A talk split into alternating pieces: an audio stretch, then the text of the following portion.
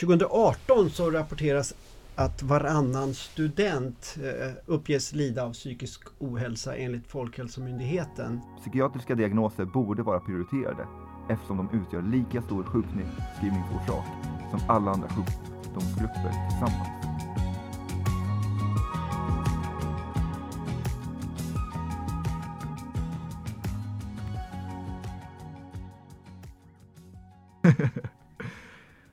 Varmt välkommen till Kedo Students podd som vi idag gör tillsammans med Universitetskyrkan i Örebro.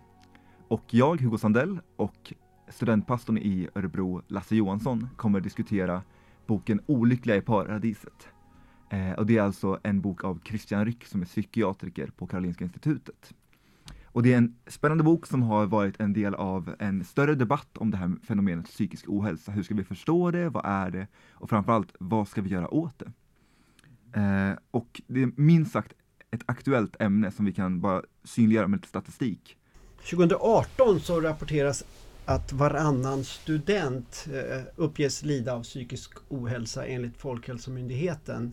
Och Ungdomsbarometern gjorde en undersökning på uppdrag av Sacos studentråd och kom fram till samma grejer som rapporterades, samma siffror 2018. Varannan student, det är höga siffror. 2019 kom eh, Myndigheten för ungdoms och civilsamhällsfrågor, MUCF, eh, eh, komplicerat där, fram till att 49 procent av dagens unga mellan 16 och 29 år upplever symptom på psykisk ohälsa. Det kan vara, det kan vara allt ifrån varje dag eller flera gånger i veckan. Det kan vara eh, stress, trötthet, magont, huvudvärk eller sömnbesvär och så vidare. Och så vidare. Eh, 2020 så gjorde man, hade man, gjorde man en enkät från Örebro studentkår till alla medlemmar eh, så, om effekterna av covid-19 under studietiden. Ja. Och där kom man fram till att mer än hälften av studenterna på Örebro universitet upplever stress, ångest, oro, ensamhet och nedstämdhet som förstärkts under pandemin. Så att de här siffrorna är ju ganska talande. Ja, absolut, och inte minst för studentgruppen då liksom. Att det väldigt närvarande. Eh, och Christian Ryck, han gör också den här statistiken liksom synlig i sin bok eh, och jag har läst upp ett citat här som eh, bland annat synliggör just den här ökande psykiska ohälsan. Och han skriver så här. I Stockholm har andelen vuxna som vårdas för diagnostiserad depression eller ångest fördubblats mellan åren 2006 och 2018. Att fler och fler svenskar får en psykiatrisk diagnos är alltså entydigt. 2018 var första året när fler än en miljon svenskar hämtat ut ett recept på antidepressiva lä läkemedel. Sista kvartalet 2018 berodde 48,8 procent av alla sjukskrivningar på en psykiatrisk diagnos. Ur ett samhällsperspektiv är det enkelt. Psykiatriska diagnoser borde vara prioriterade eftersom de utgör lika stor sjukskrivningsorsak som alla andra sjukdomsgrupper tillsammans. Alltså kan vi se att ja, men det, det, här är ett fenomen som är väldigt tydligt för studenter men också i hela samhället. Mm. Och inte minst för sjukskrivningar. Um, och det är ett svåråtkomligt begrepp det här, psykisk ohälsa. Som både liksom, man kan referera till den här ångesten, stressen, men också referera till, som jag har många vänner som har mött, att man helt plötsligt har kroppsfunktioner som helt enkelt inte fungerar längre. Man, mm. En syn slutar fungera, man har hörselproblem, man, har, man kan inte gå upp, man har problem att röra kroppsdelar och en ganska liksom så mer, en mer brutal form av psykisk ohälsa som sätter sig fysiskt. Mm. Eh, men Lasse, hur, hur mötte du som studentpastor det här med psykisk ohälsa förutom den här statistiken då? Ja, alltså 2020 så hade vi 366 samtal mm. i universitetskyrkan. Mm. Eh, och det är fler samtal än studenthälsan hade. Ja. Eh, och förra året, 2021, så hade vi 353 samtal. Ja. Eh, och det är ju ganska mycket ja. kan man väl säga. Eh, ganska höga tal och det, jag vill ju verkligen ge en eloge till min kollega diakonen Anna mm. Forsström som drar ett otroligt tungt lass i detta. Ja. Men det är ju någonting vi har märkt av på många olika vis. Bland annat denna pandemin har ju inte varit snäll. Mm. Det finns exempel på studenter jag har mött som liksom tappat allting. Ja som liksom tappat sina vardagsrutiner. Eh, eh, den personliga hygienen och, ja. och, maten har man också på något vis. Man äter inte, man sköter sig inte därför ja. att så mycket i det, det helt självklara vardagliga livet är satt ur spel. Uh, så att visst, det här har varit en... Pandemin har ju förstärkt de här mm. Fenomenen snarare. Mm kommer att tänka där på liksom, jorden är formlös och tom. och liksom det här formlösa hur det verkligen inte gagnar liksom, livet och hälsan. Eh, och ja, behovet av att hitta fram till det. Liksom. Ja men absolut, vi, vi, vi, vi, är verkligen skapade för eh, ordningar och eh, ja. vi mår bra av ordningar, ja. eh, rutiner och så. Ja. Vi gör ju det per automatik. Ja. Ja. Men så då kan vi liksom på något sätt se både i din profession och för mig personligen och för också den här statistiken synliggör att men, psykisk ohälsa är helt enkelt viktigt att bemöta. Mm. Eh, både i olika institutioner men också som kyrka och som mm. kristen. Eh, och inte minst är det en drivkraft för många av de studenter som vi har som är kristna och blivande psykologer. Mm. Eh, men då har vi den här boken då, som den här psykiatrikern har skrivit eh, från KI. Eh, men hur kommer sig, Lasse det var du som föreslog den här boken för samtalet. Varför just Olyckliga i paradiset och varför just Christian Ryck? Jag tycker att den här titeln är väldigt träffsäker mm. för att eh, det, den, den, den, vi talar ju ofta om Sverige som idealet. Liksom, mm. och para, para, någon slags eh, ändå, eh, alltså vi har eh, hög välmåga, hög standard och så vidare. Eh, och det var ju också målsättningen när man skulle som sociala ingenjörer på 1930-talet och framåt, kanske ännu tidigare, skapa det moderna Sverige som mm. liksom var eh, hygieniskt, fritt från det förflutnas belastningar. Eh, en, en väldigt tydlig markering av det här var Stockholmsutställningen 1930 som var en slags eh, eh, symbolisk avstamp för väldigt många av de här reformerna man skulle bygga det nya moderna Sverige. Och det är eh, Vi pratar om social ingenjörskonst, den här tanken att man kan konstruera det goda samhället med rationella eh, metoder och tankemönster.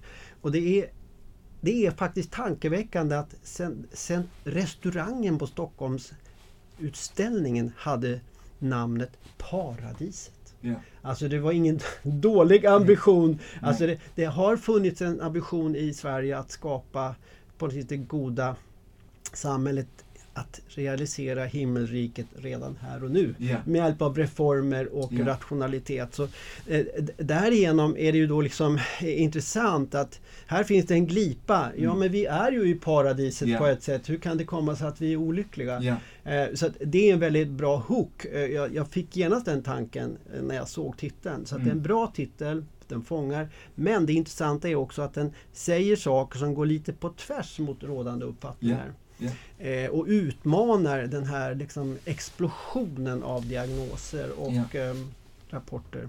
Ja, så lite så, så fångar den upp där, då det här tematiken av att paradiset som någonstans folk, det svenska folkhemmet ville skapa. Men så har vi nu en indikator som är psykisk ohälsa som säger oss att vi inte riktigt är i paradiset så som vi hade tänkt oss i alla fall. Eh, och sen som du säger här, den här tesen som boken driver som sticker ut i debatten om psykisk ohälsa. Hur, hur, skulle du beskriva den tesen? Ja, han menar ju att den psykiska ohälsan inte ökar. Eh, utan att en stor majoritet av Sveriges befolkning ändå menar sig ha ett gott eller mycket gott psykiskt välbefinnande. Eh, de som menar eh, de, de som rapporterar en nedsatt psykisk välmåga har under 2014, 20, från i avsnittet 2004 till 2018 legat på runt 12 till 17 procent. Eh, och eh, det här med sömnbesvär, ängslan, oro, ångest har också legat ganska stabilt under de här åren. Och ja, Han menar ju helt enkelt att det här begreppet psykisk ohälsa har blivit för inklusivt, inkluderar för många olika saker. Ehm, och också på något vis blivit en slasktratt som yeah. där vi liksom lägger in allt det vanliga mänskliga psykiska lidandet och, och, och, ehm, och så vidare. Så att, så att det, det, psykiska lidandet hör ju faktiskt livet till. Men yeah. hur gör vi? Har, vi? har vi gått för långt när det gäller att beskriva det vanliga mänskliga lidandet. Och det kommer vi tillbaka till senare. Yeah, har vi diagnostiserat det för hårt liksom. Men precis, så han säger någonstans här att, att den psykiska ohälsan liksom ja, men den, den, ökar inte på det sättet. Men, men hur förklarar han då det som vi var inne på här med den ökade behandlingen och den ökade liksom diagnostiseringen av psykiskt sjuka personer? Hur, hur kommer det sig att statistiken kan ju kännas som vi läste här i, i början att det faktiskt ökar. Men han menar samtidigt att det, att det inte gör det. Eh. Ja, han, pe han, pekar på att alltså människor, menar han då, mår ungefär likadant som de gjort tidigare. Mm. Men fler får diagnoser, fler sjukdomsförklaras. Ja. Eh, och att, att, att, att, fler människor får psykiatriska diagnoser, det slår han fast. Men, men också att det, det är liksom fler och fler som... Eh, alltså diagnoserna ökar. Mm. Eh, och fler och fler hämtar ut recept på antidepressiva läkeme- eh, läkemedel och så vidare. Mm. Eh, och, och, ökningen där är ju jätte, jättestor. Mm. Så, så beror det på att vi har fler och fler diagnosmetoder och behandlingsformer nu. Ja. Han ställer också frågor, beror det på att diagnoser blir en slags eh, motorväg in i vården. Ja. Alltså, om man har en diagnos så är det mycket lättare att få tillgång till behandling. Ja. Och det får man också en slags förklaring till sitt eget lidande och ja. sin egen brist på hälsa. Så att han ställer de här lite obekväma frågorna. Har, vi, har det blivit en slags överdiagnostisering av, det vanliga, av de vanliga besvären? Mm. Men, precis, och, och, det är ganska intressant att han, han lyfter diagnosens liksom, funktioner och han går ju verkligen in för att representera sjukvården om man säger. Och han tar väldigt mycket avstånd från att liksom, diagnoserna skulle ha en funktion, existentiell funktion för att åh, nu har jag hittat mig själv och nu förstår jag mig själv för att jag har den och den diagnosen. Utan snarare säger han att poängen med en diagnos är för att få tillgång till sjuk, sjukvården och samhällets resurser med Försäkringskassan. Och that's it liksom. Det, det, det, det är det det ska funka eh, som. Och det är ganska intressant, det tycker jag är väldigt tacksamt och, och, och liksom lärorikt att läsa om, om just utmattningssyndrom. Eh, då som är kanske det mest, vad ska man säga, det som man kanske pratar om nästan som en folkhälsa med utmattning. Eh, och hur han beskriver hur den här diagnosen tar form. Eh, och bara, bara inledningsvis så, liksom, så förklarar han att ja, men, det är bara Sverige som har diagnosen utmattningssyndrom. Den finns alltså inte. Det finns två stora eh, register för, för diagnoser. Eh, och de heter IUCD, tror jag, och en amerikan som heter DSM. Eh, och där, där har man helt enkelt inte internationellt accepterat den här diagnosen. Och då kan man lite vara lite frågande, ja, men hur, hur kommer det sig då? Och ganska intressant så beskriver han hur man på 90-talet ser att depressionsdiagnoserna eh, ökar. Och så har vi då en forskare, eh, Nygren om jag inte minns fel, som vill reda ut där, hur kommer det sig att vi ser fler och fler depressioner? Och Nygren och ett antal andra ledande psykologer får, får i uppgift att, eh, eller tar sig uppgiften att eh, undersöka det här. Och så börjar de tycka att amen, den här depressionsdiagnosen, det fångar inte riktigt det fenomen som vi ser hos de här tjänstemännen då till stor del som upplever psykisk ohälsa.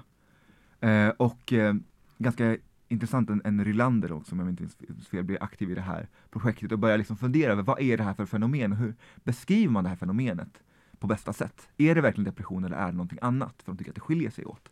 De pratar om att ja, men det börjar med liksom mer fysiska besvär som på något sätt successivt stänger ner kroppen och kroppens funktioner och möjligheten till det här och Sen så tar det åt det, psykiska liksom, med kanske sorg eller liksom känsla av tomhet eller en kraftlöshet. Men det börjar i det fysiska, det börjar inte i det psykiska som då var kännetecknande för depression. Och det är ganska fint här hur Christian Ryck också lyfter upp personligen hur han själv har upplevt sån här form av utmattning när han har jobbat på mycket och liksom helt plötsligt beter man sig på sätt som man inte riktigt förstår och man liksom står tårögd och liksom inte man fungerar emotionellt på ett annat sätt än vad man brukar göra och fysiskt också. Och det är just det som jag också själv har lyft upp där med vänner och bekanta som har liksom då psykiska funktioner, eller det fysiska har slutat fungera som det tänkte göra. Men så han går vidare i den här förklaringen då hur det här gick till och de har de här studierna på 90-talet och också då fram på 00-talet så börjar Socialstyrelsen bli liksom intresserad av det här och man får i uppgift att ja, men, skapa en diagnos för att beskriva det här fenomenet. Och då så efter lite om och men så kommer man fram till, inte utmattningssyndrom utan utmattnings... Eh, jo, utmattningssyndrom, inte utmattningsdepression. Eh. Ja, utmattningssyndrom. Det är det. Ja, komplicerat där till slut. Men man kommer fram till den här diagnosen och skapar den och åker runt, land och rike runt och föreläser om den här och folk upplever, kanske till och med existentiellt, att ja, men det här klaffar ju med min upplevelse, att ja men det, det är det här jag går igenom, det här är liksom, det är meningsskapande eh, på något sätt. Och, och, konstigt nog så är det till och med en i det här teamet som jobbar så mycket med att föreläsa om utmattningssyndrom, att han själv blir utmattad och måste hoppa av forskningsresan. Eh, om man tar an det här, det blir en del av Socialstyrelsen, det blir en diagnos, det blir en öppning för, försäk eh, för sjukförsäkring, det blir en öppning för sjukvård eh, och den prövas aldrig så pass vetenskapligt som exempelvis ADHD eller ADD eller, eller depression har gjort. Så att den är meningsskapande, den kommer in i systemet, den är en del utav vår välfärd, men den är inte vetenskapligt granskad och prövad på ett sådant sätt som andra diagnoser behöver och därför är den kanske inte heller mottagen i andra länder. Eh, och då är det ganska intressant att fråga sig, men liksom, alla går med på det här på något sätt. Och han, han skriver här ett citat om det, det konstiga i att hur kunde ett, en diagnos komma rakt in i välfärden, lossa väldigt mycket pengar, vara lättare än att, att få sjukskrivas till än andra diagnoser. Hur, hur, hur, kommer man in i det liksom? Och då så har han en, en, en fundering här. Så jag läser citat. Varför lyssnade ingen på kritiken? Jag tror att det berodde, beror på att diagnosen utmattningssyndrom fångar det många människor känner igen sig i. Och att då ifrågasätta diagnosen kan framstå som suspekt. Menar man kanske att stress inte finns och att folk bara borde skärpa sig? En föreställning om att stressen i arbetslivet och livet i allmänhet blir värre och värre har nog gjort det lätt att missa svagheterna i vetenskapen bakom utmattningssyndromen, eller utmattningssyndromsdiagnosen. Men diagnoser och vilka behandlingar de leder till är inte akademiskt käbbel, utan har stora konsekvenser för människor. De som nu drabbas av bristerna i diagnostik och behandlingsutbud är de som lider av utmattningssyndrom. Och de får inte så bra vård som de skulle kunna få. Jag tycker det här är ett ganska fint citat, för det fångar ändå Christian Rycks hjärta av att han är inte ute efter ett akademiskt käbbel här, utan diagnosen lossar upp liksom samhällets resurser, både i form av försäkringar men också i form av behandling. Och om vi då har diagnostiserat utmattning felaktigt, då kanske vi också ger fel behandling. Och jag tycker det är intressant att om man, om man inte riktigt är säker på vilket fenomen det här är, vad är det för människor upplever när kroppen slutar fungera och man känner sig energilös? Kanske öppnar det upp också för den här uppsjön av behandlingar, där, där man liksom verkligen söker med lykta efter en behandling som kan hjälpa människor. Vi har varit inne mycket både i Credo och universitetskyrkan på liksom mindfulness yoga som del av sjukvården. Alltså är det också en del i att vi inte riktigt vet vad det här är och vi kanske inte riktigt har prövat det. Liksom, han är väldigt mån om att säga att det, det, här är verkliga problem. Men har vi rätt förklaring av det och har vi då också rätt behandling? Och det är det mycket han vill säga här, att låt oss ändå gå vidare här, låt oss pröva den här diagnosen vetenskapligt. Så att de här människorna kan få så bra hjälp som möjligt. Så det är en ganska tacksam del av boken som både är upplysande och lite skrämmande. För man känner ju många gånger, tycker jag i alla fall, när man läser Olyckliga paradiset att ja, men är inte han bara en sån här moralist som tycker att man ska liksom bara bita ihop? Eh, det, det, är lätt att få den upplevelsen.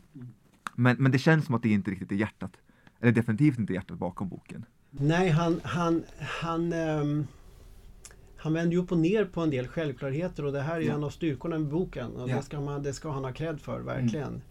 Mm. Eh, och jag tycker verkligen också att han ska ha cred för det här att han pekar på att väldigt mycket i det mänskliga livet inte är enkelt och kan helt enkelt bara avhjälpas med någon form av eh, quick fix eller behandling. Yeah.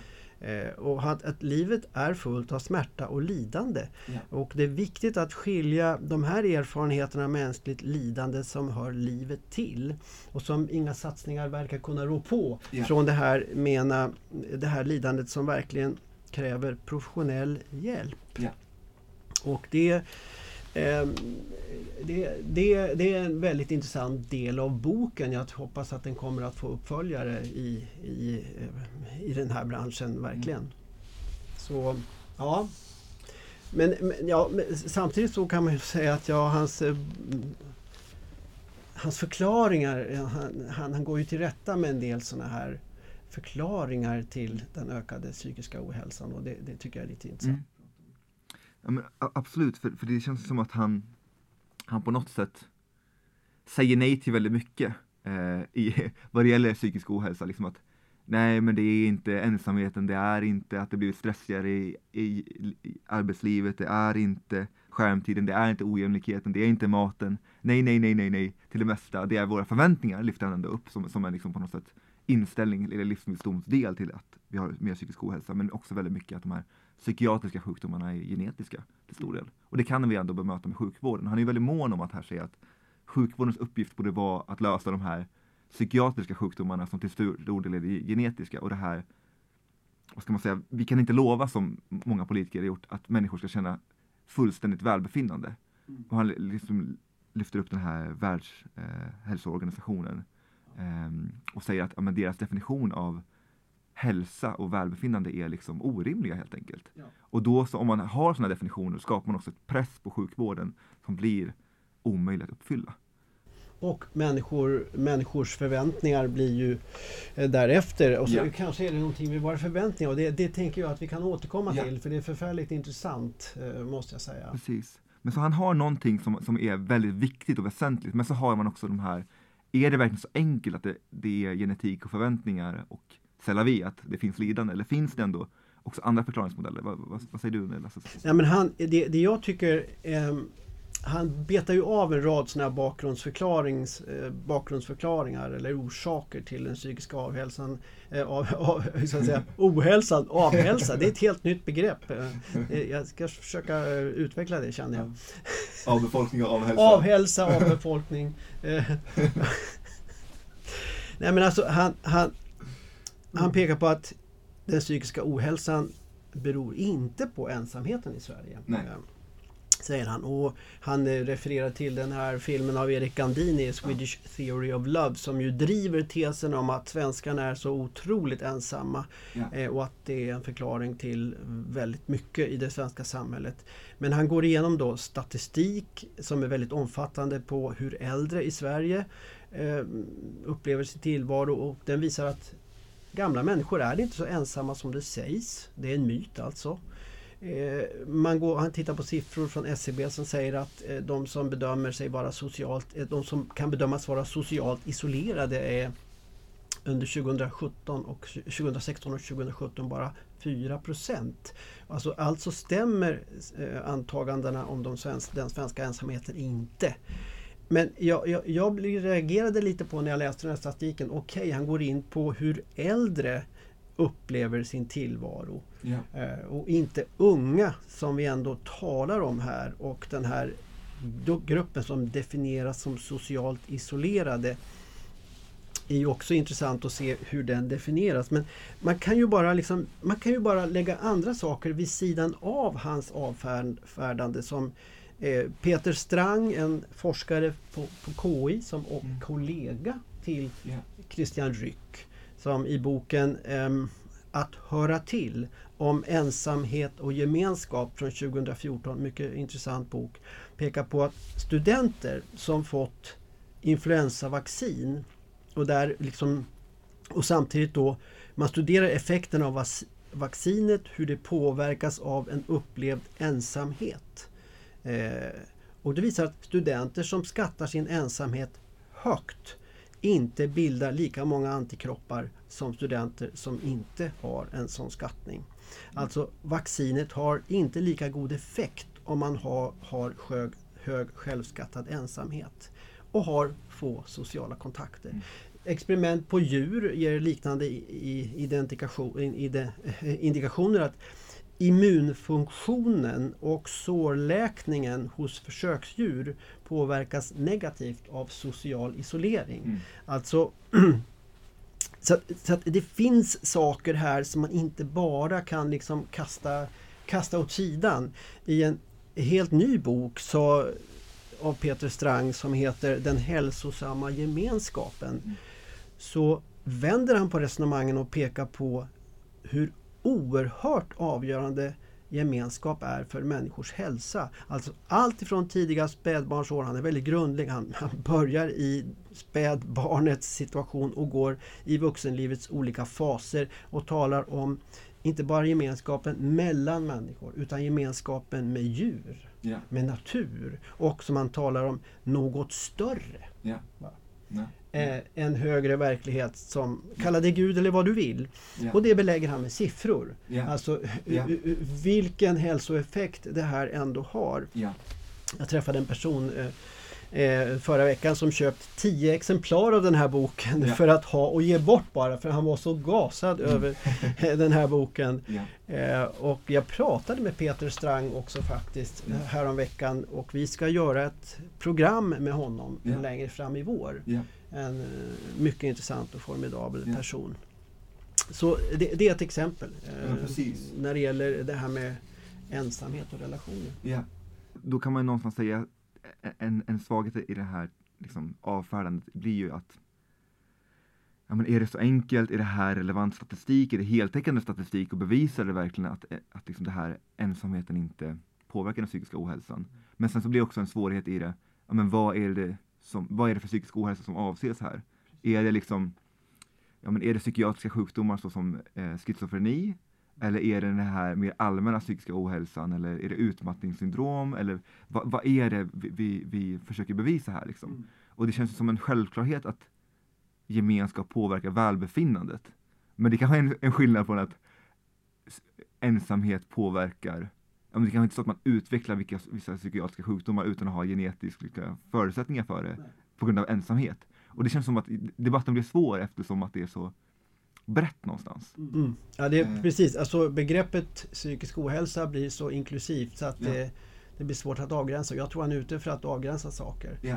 eh, och gör, tydliggöra debatten. Ja. Eh, alltså en annan sak som han ju he, helt avfärdar är ju frågan om skärmar och skärmtid och digitala medier. Eh, och han tar tillvara, han lyfter fram statistik från 12 eh, 000 brittiska 10 till 15-åringar och hur de använder sociala medier. Mm. Och menar att det, den undersökningen visar inte på några starka effekter på livet. Och han refererar också till en studie från, som gjord av samma person som inkluderar 300 000 ungdomar, såväl amerikanska som engelska, som visar på att digitala medier inte har någon stor effekt eh, när det gäller väl, välbefinnandet. Alltså han pekar på att det finns inga samband här. Ja. Eh, det är två käpphästar han har. Men ja, det finns ju faktiskt andra siffror också. Ja. Uh, I en, undervisning, eller en undersökning som um, flera brittiska universitet gjorde med 55 000 människor. Um, BBC gjorde den i samarbete med brittiska uh, universitet. Där visade det sig att unga vuxna mellan 16 och 24, 24 år var den åldersgrupp som kände sig mest ensamma. Mm. Eh, och 40 procent av studiedeltagarna i den åldersgruppen rapporterade att de kände sig ensamma ofta eller mm. väldigt ofta. Yeah. Så att, och det är en betydligt högre siffra än i åldersspannet 65 till 74. Där var yeah. ju där var ju, eh, ja. låg ju på 20, 29 procent.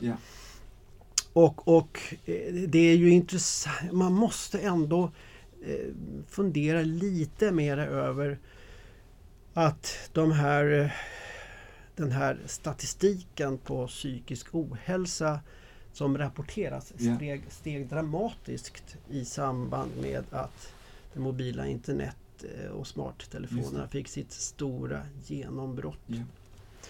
Eh, så här finns det saker att utreda. Ja. Dessutom eh, tidskriften Modern Psykologi publicerade 2017 en artikel med den talande titeln Generation Perfekt. Mm.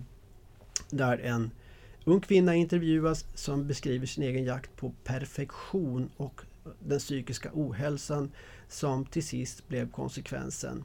Yeah. Och den här, den här strävan efter perfektion är någonting som också eh, plockat fram i en stor studie som presenteras i Psychological Bulletin. Yeah. Och att den här jakten på perfektion har yeah. ökat i spannet 1989 till 2016. Yeah. Och att det finns ett samband på jakten på mellan jakten på perfektion och psykisk ohälsa. Eh, och när man inte lyckas leva upp till de här kraven och förväntningarna som man själv ställer på sig eller som andra ställer på en då kommer oron, eh, ångesten krypande. Och, och ehm, ja visst, avståndet mellan ideal och verklighet blir liksom för stort. Ja. Ett slags eh, helvetesgap eh, uppstår här. Ja. Eh, och, och, och, och det är ju Man måste ändå, tänker jag, reflektera över hur människans möjligheter att jämföra sig med varandra har utvecklats över tid. Alltså folk Ja. har alltid gjort det sedan urtiden. Det Ja. tror jag. Det är en, eh, det är en grundläggande mänsklig eh, reflex, Ja. kort och gott. Ehm, och man har gjort det från urtiden ända till vår tid. Ehm, Ja. Men idag har vi så oerhört många arenor där vi kan Mm. jämföra oss själva med varandra, inte minst via sociala medier. Ehm, och eh, det, det finns ju till och med någonting som kallas för Facebook-depression Mm. som ju handlar om att det uppstår när man läser statusuppdateringar från Facebook-vänner. Ja. Och att man då upplever en känsla av tomhet, negativ självuppfattning. Alltså, vi upplever att våra liv inte är så fullt fantastiska som alla de andra vännerna som har Ja. rika och underbara och effektiva och framgångsrika liv. Mm. Alltså statusstress har det talats Ja. om och den tror jag verkligen eh, drabbar väldigt många unga människor Ja. i dagens läge Ja. via sociala medier. Och det här tycker jag, man kan inte bara avfärda sådana här variabler Nej. och säga att ja, det här spelar ingen roll. Nej. Precis, för, för, som sagt intrycket blir ju att i, i boken att, att, att, att det avfärdas helt enkelt. Liksom. Mm. Och även om då svårigheter, men vi kan hålla med om kanske då att Ja men absolut, det är inte så att du kollar på din Facebook-app och ser att din kompis har stuckit till Thailand med, med sina vänner och sen så utvecklar du schizofreni på grund av det. Mm. Men däremot att du eh, konstant jämför sig med andra, eh, att eh, kanske va- va- va- vara mer isolerad, eh, ja, allt från träning så, men det skapar ett mer o, liksom brist på välbefinnande. Och som ändå på något sätt hör, hör samman i den här större psykiska ohälsan. Och, och då, då kanske det är tacksamt att då skilja lite på det här. Nej men det, det, det kanske inte är de allvarliga sjukdomstillstånden som automatiskt genereras av de här sakerna i samhället. Men det, det är ändå med och formar ett, ett samhälle som skapar mer meningslöshet. Ja. Eh, och det, det här formlösa mår vi inte bra av. eh, Liksom, och, som är, och som är fel former, som inte är anpassade till de vi är som människor. Det är inte, det är inte sann mänsklighet. Nej. Eh, Nej visst och, och han, han, han, ehm, han går ju igenom en rad olika andra förklaringar också Ja. som att eh, det beror på social, ehm, socialt, om man bor i socialt utsatta områden Ja. och så vidare. Eh, ojämlikhet, han går igenom mat eh, Ja. som en faktor när det gäller hälsa och ohälsa. Men sen eh, kommer han ju in på det här med, med genetiken eh, som Mm. man tycker ska bemötas med samhällsinsatser. Och du har varit inne på det flera gånger, du kanske Ja. kan komma tillbaka till det. ja, Men det jag tycker också att flera, nu, nu kanske det är utanför hans eh, domän, men ja, det finns en rad psykologiska, eller för, förlåt mig, sociologiska förklaringar till den här situationen. Som eh, är ju, för, åtminstone för många, viktiga.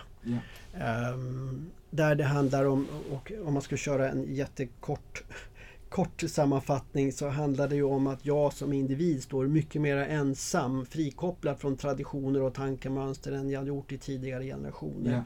Eh, när det gäller att fatta beslut, vem, vem är jag, vad ska jag bli och så vidare.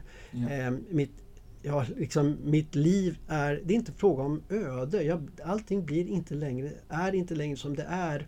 Eh, utan jag har upp, en uppgift, utmaning att forma, forma mitt liv ja, utifrån det här enorma utbudet och det är den andra faktorn här av, av alternativ som erbjuds. Jag som individ har att processa så jättemånga olika signaler Ja. om hur livet kan levas. ja, Ehm, och dessutom så är jag då enligt alla råd och rekommendationer hänvisad till mig själv. ja, jag ska vända blicken in i, i, mig själv och försöka utforska vad jag egentligen känner och vill yeah. och drivs av så att säga. Det är, forskare talar om subjektivering, alltså jag går mm. in i mig själv och försöker utröna vad i hela friden vill jag egentligen yeah. med mitt liv. Och här en, en, en bekant i, i, USA som är sociolog skrev mm. för flera decennier sedan en fantastisk eh, kommentar kring det här. Han talar om att vi behöver en utvidgad teodicé. Mm.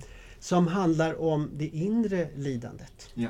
i världen. Mm. Därför att när vi vänder blicken in mot oss själva och så upptäcker, alla, upptäcker vi alla möjliga saker där inne som vi kanske inte nödvändigtvis yeah. eh, tycker om. Yeah. Eh, som är mörkt och som vi behöver processa yeah. och bearbeta.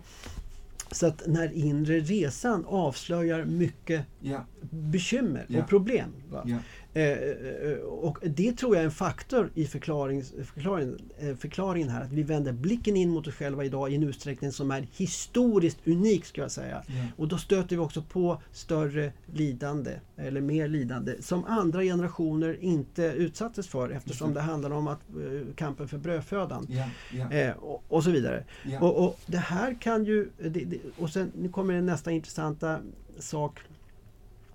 Alltså man har ju sett hur välståndet ökat från andra världskriget och framåt i Sverige. Ja. Och under samma period så har ohälsan ökat. Ja. Vilket är otroligt intressant. Just det. Den, den, den, den liksom då, vad ska man säga, eh, den psykiska ohälsan, den, den, den, så att säga, den, dokumenterad, så den dokumenterade psykiska ohälsan ja. har ökat under motsvarande ja. tid. Eh, och, och, hur i hela viden, eh, det här är ju egentligen ett svar på den här tesen. Ja. Hur kan det komma sig att vi har blivit olyckliga i paradiset yeah. när vi har fått det så fruktansvärt mycket bättre yeah. för att citera den här titeln eller eh, liksom, eh, på ett vis. Eh, vad är svaret har man yeah. kommit fram till?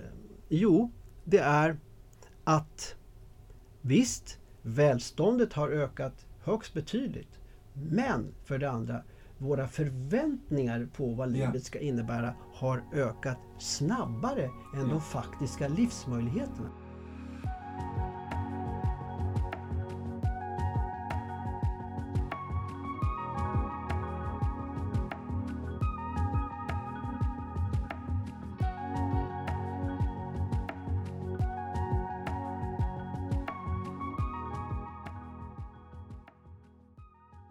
Nej men precis, han har ju de här berättelserna om Lisen som växer upp, blir föräldralösa tidigt, får jobba väldigt hårt, rundflyttar bland olika släktingar och lever ändå ett gott liv. Mm. Alltså på något sätt lever hon ändå det goda livet eh, i hans blick då liksom. Och det finns lycka, det finns sorg, eh, extremt prövande och ändå så till, till slut så är det liksom ett, ett värdigt liv.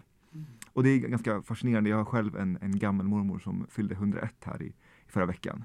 Och också en väldigt liknande berättelse. Hon blir föräldralös tidigt, får jobba väldigt hårt, bor ute på landsbygden i Skåne hela sitt liv. Och vad ska man säga, liksom, ja men nu när hon är 101 så är hon fortfarande en glad, liksom gammal, liksom skånsk kruttant som liksom har så mycket livsglädje.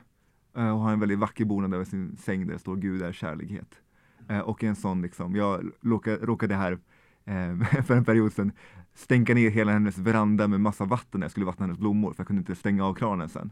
Och då står hon där och bara skrattar och är så glad och inte alls bitter. Och så tänker jag den här kvinnan som har gått igenom liksom svältperioder, eh, förlorat föräldrar, så, så mycket trauma och ändå finns det livsglädje. Och jag tänker att, eh, vi ska gå in på det sen också, men vad är det för himla världsbild vi kan ha som gör det rättvisa? Alltså vi ska inte bara göra lidandet rättvisa, utan vi ska också göra den här glädjen rättvisa. Och hur, hur gör vi egentligen det? Så jag, jag tycker det är, det är, det är en väldigt fin inramning av boken att lyfta upp, som säkert många har, kan relatera till, precis som jag kan då, att man har de här äldre släktingarna som har haft väldigt tuffa liv. Eh, och liksom gått igenom att man, Sverige varit isolerat och liksom att man inte kunnat ha, eh, man har haft brist på förnödenheter, allt möjligt. Och sen så har de ändå, det finns ändå en värdighet i deras liv. Och vi, på något sätt, vi står här som jag pratar om de här, vi är de här individerna som ska blicka inåt för att förstå vilka vi vill vara. Vi, och det är bara mitt hjärta som kan berätta det för mig.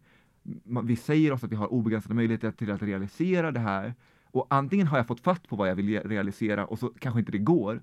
Eller så är jag så förvirrad att jag inte ens fattar vad det är för sorts individ som jag vill vara, som jag är tänkt att vara. Och det är en extrem press. Vi har också ett, ett eh, Ehm, tidigare poddavsnitt här från Kid Student om eh, könsdysfori. Och det är just sånt typiskt där liksom, vad, vad, är jag för kön? Är jag en jag, han eller är jag en hon? Eller vad, vad är jag egentligen? Och så är det liksom mitt hjärta som ska avgöra det. Samtidigt har jag all den här jämförelsen på sociala medier då som ständigt liksom jag speglar mig mot för att försöka berätta, ja men är det här den jag är? Och indikatorn blir på det, är jag lycklig? Eh, och då är det såklart att det, det, det är en omöjlig ekvation. liksom. att jag, jag ska avgöra det och jag, om jag har fattat rätt beslut så är liksom, liksom kvittot lycka. Och det, det upplever vi inte ständigt. Eh, säger alla liksom traditioner någonstans. Liksom. Eh, och, och, då så, så, blir det klart att kanske inte psykiatriska sjukdomar uppstår men definitivt omöjliga livsekvationer som, som påfrestar oss och som mycket väl kan leda till en form av utmattning. Då. Um, så det, det, är spännande uh, den, den, den, tiden vi lever i och liksom då också som vi kommer in i både som på något sätt Ja, men... Man kan tala de här, de här människorna, den här människan som han beskriver i ja. sin bok och de här som du refererar till som ja. jag också känner ett flertal. Eh, man lever förnöjs i förnöjsamhet.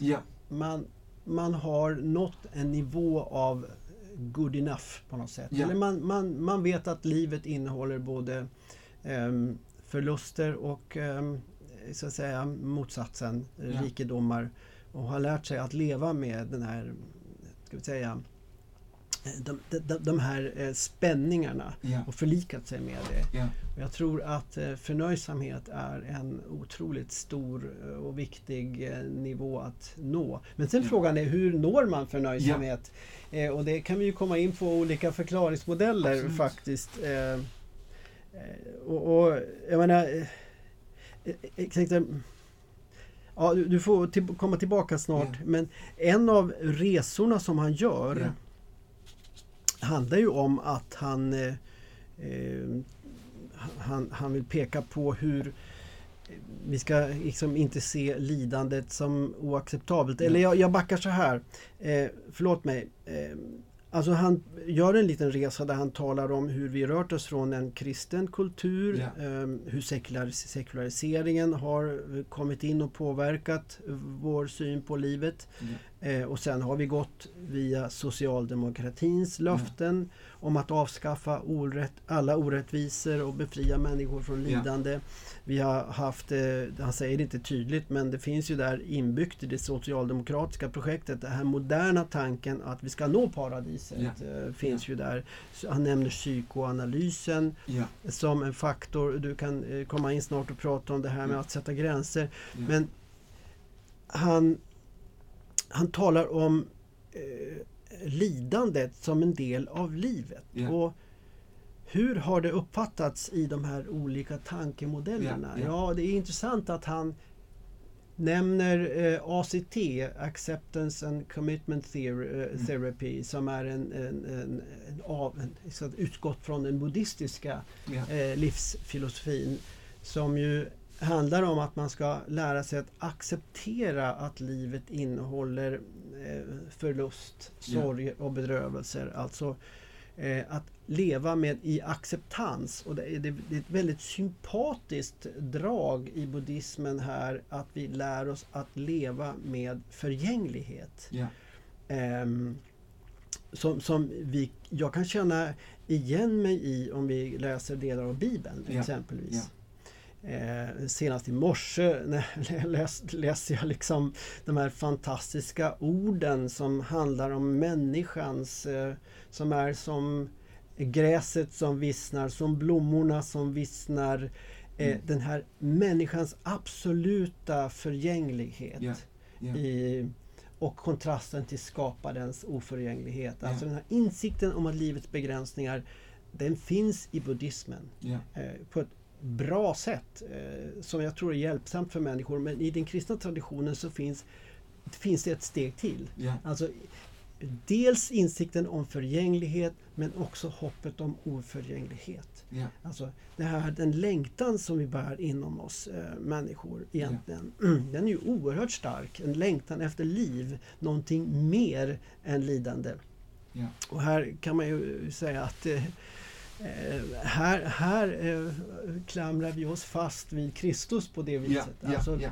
den, den som gått djupast ned i tillvarons mörker och lidande men segrat över mörkret och lidandet. Ehm, Så att lidandet får inte sista ordet. Ja. Utan det finns en framtid som innehåller det som vi djupast sett längtar efter. Framtiden är inte den här totala tomheten Nej. och befrielsen från lidandet utan ett liv i högre potens. Alltså Ja. ett liv med, med högre, ska vi säga, ändå högre kvalitet. Ja. Och den här längtan som var och en av oss bär på efter det här rika livet Ja. ehm, den har någon slags ett, ett föremål. Ja. Eh, redan här och nu men också absolut i framtiden. Ja. Ja men precis, för om vi här är inne på det här liksom då att vi, vi har konstaterat att psykisk ohälsa är ett, ett, ett, ett stort fenomen i, i vår tid och vi har försökt särskilja från psykiatriska sjukdomar från ett mer psykiskt ove, liksom brist på välbefinnande. Och vi, vi har rört oss med olika förklaringsmodeller och vi, vi menar ändå på liksom att visst genetik är viktigt för att förklara psykiatriska sjukdomar men det finns ändå saker i vårt samhälle som inte hjälper oss till att nå det goda livet ytterst sett. Eh, och där, om vi förs- försöker på något sätt återerövra, han är ju inne här i slutet på sin bok, vad ska vi göra då liksom? Och vi som, som, som kristna då helt enkelt, det är helt naturligt att vi går till, ja men hur finns det en, vad i den kristna världsbilden hjälper mig till det goda livet? Och vad, hur målas det goda livet egentligen upp i en kristen, en kristen världsbild? Och, så, och som, som du är inne på här, jag eh, tycker just med det här med Kristus som har gått före i lidandet, jag har en väldigt fin erfarenhet, jag läste den här boken Tystnaden Eh, av en japansk katolik eh, som handlar om några eh, jesuitmissionärer som beger sig till, till Japan för att missionera och blir grovt torterade både psykiskt och fysiskt för att slutligen tappa sin tro faktiskt. Men, men, men det finns en tvetydighet som ändå ger en upplevelse i slutändan att tron finns kvar. Och jag minns när jag läste den här boken av just den här stor, tydliga upplevelsen av att Kristus går alltid före. Att han har alltid gått djupare in i lidandet.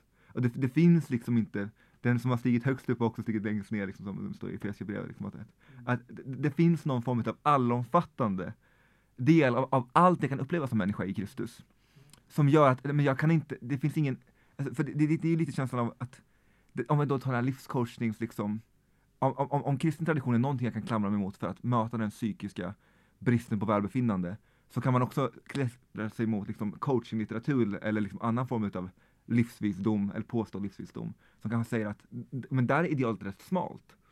Alltså om jag inte är på toppen av framgång, då befinner jag mig i någon form av overklighet. Liksom. Eh, men, men i Kristus så är liksom allting verkliggjort på något sätt. För det finns inget, det spelar ingen roll liksom hur djupt ner jag går eh, eller hur högt upp jag, jag stiger. För det är inom, jag vet inte om jag kan säga Kristus verklighet, men det, det, det, det, där har han gått före. Och det tycker jag finns något otro- otroligt vackert i. Att det inte är, det, händer inte bara när man är på den här väldigt, väldigt smala liksom två åren utav pikande i sin karriär. Det är inte bara där det händer, utan det händer i livets helhet. Och där kan ju, menar, han kommer ju in på i slutet där en rad eh, goda råd Ja. som handlar om att man, man eh, ja det handlar om det här med att man eh, Ja, du kan ju ta några av dem sen men Ja. eh, alltså att man inte ska följa sina drömmar Ja. därför att de kan vara just drömmar och illusioner. Och det är bättre att fundera på vad som är centralt och viktigt i ditt liv och i högre grad göra just det. Ja. Eh, sen en annan sak som han gör uppror, reagerar mot, det är tanken att du är inte perfekt precis som du är. Och när han pekar på alla de här förslagen på hur vi kan förbättra våra liv som aldrig tar slut. Eh, och måste saker ständigt bli bättre? Ja. Eh, varför kan vi inte bara nöja oss vid att saker och ting inte är fulländade, inte är perfekta, Ja. utan bara good enough? Ja. Eh, och här finns det, tycker jag, ehm, och det har ju talat och skrivit om också i tidskriften Nord här för några år sedan, ehm, om den här väglednings och coachinglitteraturen som ju det kommer ständigt ut nya versioner av det. Jag har tagit med mig några böcker som ligger på en soffa här. Um, en, en av dem som jag tar upp och håller i handen nu är ju, heter Den vilda jakten på ett ännu bättre jag. Ja. Mm, där två uh, forskare faktiskt har testat alla de här goda råden under ett års mm. tid. De har tagit en, en kur vardera per månad. Ja. Och um, till slut är de helt liksom, de är uts, utslitna. ja, och um, liksom rapporterar någon slags, eh, ja de är matta, de inser att eh, alla de, ska vi ta de här råden bokstavligt så kommer vi inte att få goda liv. Yeah. Och flera forskare pekar ju numera på att man inte ska liksom fokusera bara på att hitta sin egen röst utan man, och, och utan man ska lyssna till andra människor också. Att man ska mm. förlika sig med tillvaron och så vidare. Ja. Eh, och nå en slags balans. Ja. Och där, där den här bilden av att du har så enastående möjligheter. Du, du kan skapa precis vilket liv du vill. Ja. Och, och, och eh, i själva verket är en av de stora orsakerna till att folk mår dåligt idag. Yeah. Eh, faktiskt, man kan, i så fall kan man bara säga, eh, fråga, är coaching bara mer av den medicin som gör oss sjuka? Yeah. Yeah. Och där, där, kan alla de här liksom, peppande råden faktiskt göra oss ännu mera nere i skoskaften. Eh, och där menar jag att där, där kan vi ju faktiskt finna skäl att tala om en mer realistisk människosyn. Ja.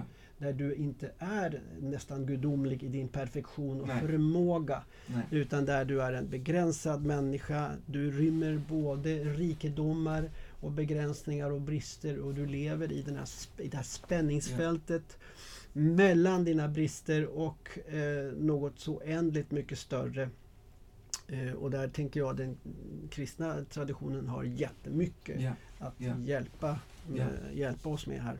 Verkligen, och, och det, det, är, det är väldigt spännande här. Vi har vi, vi diskuterar alltså idag en, en bok, Olyckliga i paradiset, som är skriven av en, av en psykiatriker. Men han nöjer sig inte med att bara vara psykiatriker.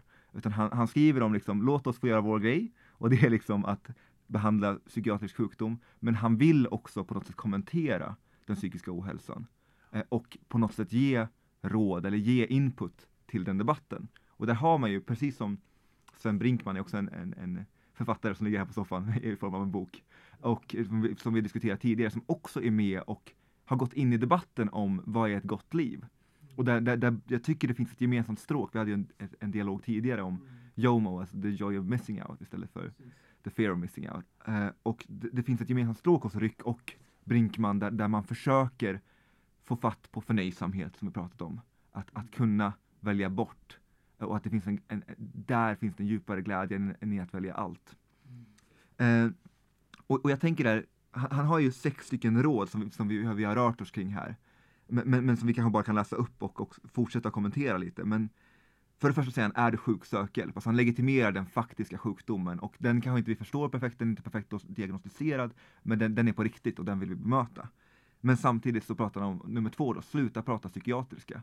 Och som vi har varit inne på här, vi har rört oss i olika förklaringsmodeller. Vi har haft den socialistiska, vi har haft den kristna. Eh, många är i en buddhistisk eller nyandlig eh, förklaringsmodell. Men den psykiatriska är på ett sätt rådande. Men den har sitt begräns sin begränsning, den är till för sjukvård. Och den är kanske inte existentiell. Den förklarar inte varför jag lider som människa. Och sen säger han då, se inte lidande som oacceptabelt. Stressa lagom mycket. Följ inte dina drömmar och du är inte perfekt precis som du är. Och det är liksom sex år som han vill slänga in i debatten om, om psykisk ohälsa och det goda livet. Och jag tycker det är spännande att, att han vågar sticka ut hakan och på något sätt ja, men ta sig an det som inte är hans fält på ett sätt egentligen. Eh, men som definitivt är teologins fält. Eh, och en sak som jag, jag reflekterat över när vi pratar om det här, att, men, att prata psykiatriska, Eh, om vi inte ska prata det, hur ska vi då uttrycka oss? Om vi inte ska säga jag är stressad, jag har ångest, jag har det ena och det andra som är på något sätt egentligen psykiatriska begrepp. Mm. Hur ska jag då uttrycka mig? Vilka ord ska jag använda för att benämna mitt liv? Och, och en intressant, liksom, på ett sätt kanske man får skylla sig själv när man är den, den rådande liksom, modellen, för, för förklaringsmodellen, då, då, då kommer ju folk applicera det överallt. När det tidigare var, vi pratade, när vi pratade inför det här så nämnde jag att eh, på tal om psykodynamik som har varit en rådande förklaringsmodell så stötte jag på när jag gick med UMU, väldigt glad för den erfarenheten, men, men på en lärjungaskola i, i Madrid. Skulle vi ha en vecka av inre helande och där man liksom bad och man kunde få uppleva på något sätt att man kunde få höra vad som hade sagts en eh, i, när man låg i ens mammas mage liksom. Och en extrem, så här, det, det hade inte hänt där, men det berättades som att det hade hänt vid andra tillfällen, att det hade varit väldigt helande för personer. Och utan att säga för mycket om det så är det ganska tydligt att den influensen kommer ändå från psykodynamik. Tanken på saker som sägs om en i barndom och hur det påverkar ens nu, nuvarande liksom liv. Och så är det en, liksom en karismatisk twist på det. Så den kombineras med liksom lovsång och grejer. Och så. Jättehärligt men också en, en väldigt tydlig indikation på hur en rådande förklaringsmodell appliceras överallt. Och nu har vi en psykiatrisk, kanske gått lite från den här psykodynamiken till psykiatri. Och så kommer det också in överallt och stress och det ena och det andra liksom. Och vi rör oss med de begreppen. Och det, ja, du, du kan fortsätta. Men för, för, några år sedan så hörde jag ett radioprogram eh, eh, som handlade om, skulle handla om eh, fornminnen och runstenar och då säger eh, reporten Sveriges, Sveriges runstenar mår dåligt. Ja. Eh, jag höll på att köra av vägen. Liksom. ja. Att man applicerar sånt här språk på alla delar av verkligheten. Ja. ja. Men. Så att det är en faktor som man kan behöva eh, tänka på.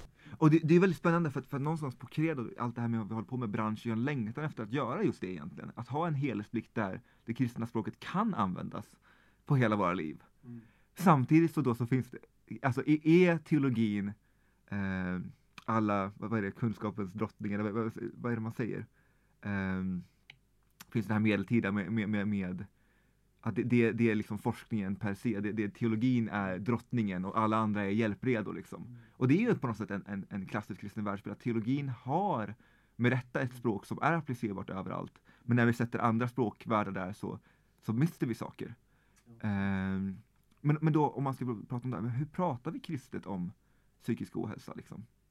Och där tycker jag att, att, att, att jag själv fått ha en resa där man liksom kanske delvis med hjälp av, eh, kyrk, av allkyrklighet som, som eh, man pratar mycket om på en podd från, från EFS, som hjälper oss till de resurserna som finns i vår kristna tradition, som också pratar om begränsningar, som också pratar om förnöjsamhet. För ibland så kan man ju se i karismatisk kristendom som jag har ett väldigt hjärta för, men som också, det kan bli det här, det blir en kristen variant av de liksom oanade potentialen som finns inom mig, fast det är anden då som ger mig den här oändliga potentialen. Och det här med acceptans inför lidandet, acceptans inför begränsningar, blir liksom otro på något sätt. Liksom. Jag kan tänka att, att den större kyrkans tradition också hjälper oss in i liksom, den här urskiljningen mellan liksom, vilka gränser ska liksom transcenderas och vad ska, vad ska brytas igenom och vad är en del av livet som jag behöver acceptera. Mm. Um, och jag tänker att också när man befinner sig här i, i Vivalla, liksom ett, ett socialt utsatt område, men också med många hjärtan som brinner för, för rättvisa och förändring. Alltså hur håller man samman en, en längtan efter förändring och ett accepterande inför, ett, liksom, inför lidande? Det, det är en, en svår kombination. Jag tänker att Riks, Riks liksom lösning är väldigt mycket acceptans inför lidande, men jag, jag kan känna att det räcker inte för mig. Alltså någonstans Visst kan vi sitta här i paradiset och, och acceptera det, men om man då tar den politiska dimensionen av det här så, så kanske inte det riktigt räcker. Det finns ju ändå människor som, som är i ett lidande som inte är acceptabelt. Mm. Och då finns det ju, det här, det här längtan kan ju också driva oss mot att bygga en värld som ändå blir mer likt det Gudsrike vi väntar på. Uh. Det, vad heter det, när vi pratar om det här så kommer jag att tänka på en bok av Fredrik Brochet mm som är ju, han, har ju, han är ju präst men han är ju också terapeut eh, och ja. han har ju varit eh, föreståndare för kyrkans själavårdsinstitut i Göteborg, i Bräcke i många år och skrivit mycket bra om det. I boken som heter Heliga hållpunkter i höghastighetssamhället som kom för några år sedan då talar han om att den här tiden vi lever i med den enorma hastigheten som allt ska eh, på något vis, som alla ska haka på, så, så drivs vi faktiskt av hastigheten till vila och eftertanke. Ja. Och när vi upplever tomhet, utbrändhet så tvingas vi till vila och eftertanke. Ja. Alltså det här är positivt. Vi ska se den här tomheten och begränsningen som upplevelsen av begränsning som inte något farligt utan tvärtom. Han säger upplevelsen av brist är en tillgång. Ja. Ett tecken på mänsklig värdighet. Ja. Och det är riktigt goda nyheter tycker Ja, jag. ja. Alltså när vi upplever oss begränsade så är vi i det sant mänskliga. För det, det är liksom sanningen om oss. Vi är inte allsmäktiga Ja. utan vi är eh, beroende av varandra och av en rad olika saker i skapelsen inklusive Gud. Ja. Ehm, och i en värld av beroenden och relationer så finns det också alltid utrymme för nåd. Ja. Det hänger inte bara på mig själv. Det finns utrymme för förlåtelse. Eh, när, när vi har eh, felat så kan vi också få förlåtelse och växa därigenom. Ja. Och det finns möjligheter till nystarter och nytt liv, Ja. ny kraft Ja. hela tiden. Ehm, i, via så många olika källor Ja. och det, det är en rikedom tycker jag. Ja. Då liksom där, om man då talar om det, om det, om det goda livet som också en del av be- begränsat. Alltså, det goda livet är brustet och, och begränsat i den här världen. Liksom. Och, och då den sanna mänskligheten är inte att fly det utan att lära sig att möta det. Eh, och det är ju väldigt vackert både med inkarnationen liksom. Eh, som, som verkligen är, är att Gu- Gud blir människa och blir ingen superhjälte i det. Utan en verklig människa som lider och har ångest och stress och eh, oro och behov av sömn och, och eh, mat och allting. Att det, det, det är ingen superhjälte vi möter i Kristus. Och det är väldigt vackert. Och sen också tänker jag på det här med, med begränsningarna och utmattningen som en extremt smärtsam inbjudan till, till, till reflektion. Och det tycker jag också jag, jag möter efter några år. Inte minst hos min svägerska Irene Rösberg. Hon har skrivit en bok om utmattning som heter Ursäkta röran, jag, jag bygger om. Eh, och eh, Ursäkta röran sa du? Ja, ursäkta, ursäkta röran, jag bygger om. Ja. Eh, och väldigt spännande där hon liksom reflekterar över sin utmattning. Och eh, just pratar om att, och det är väldigt kul, hon, hon, hon citerar, hon är inte alls eh, kristen så liksom, men hon citerar ändå en sång som hon har hört på kyrkans barntimme.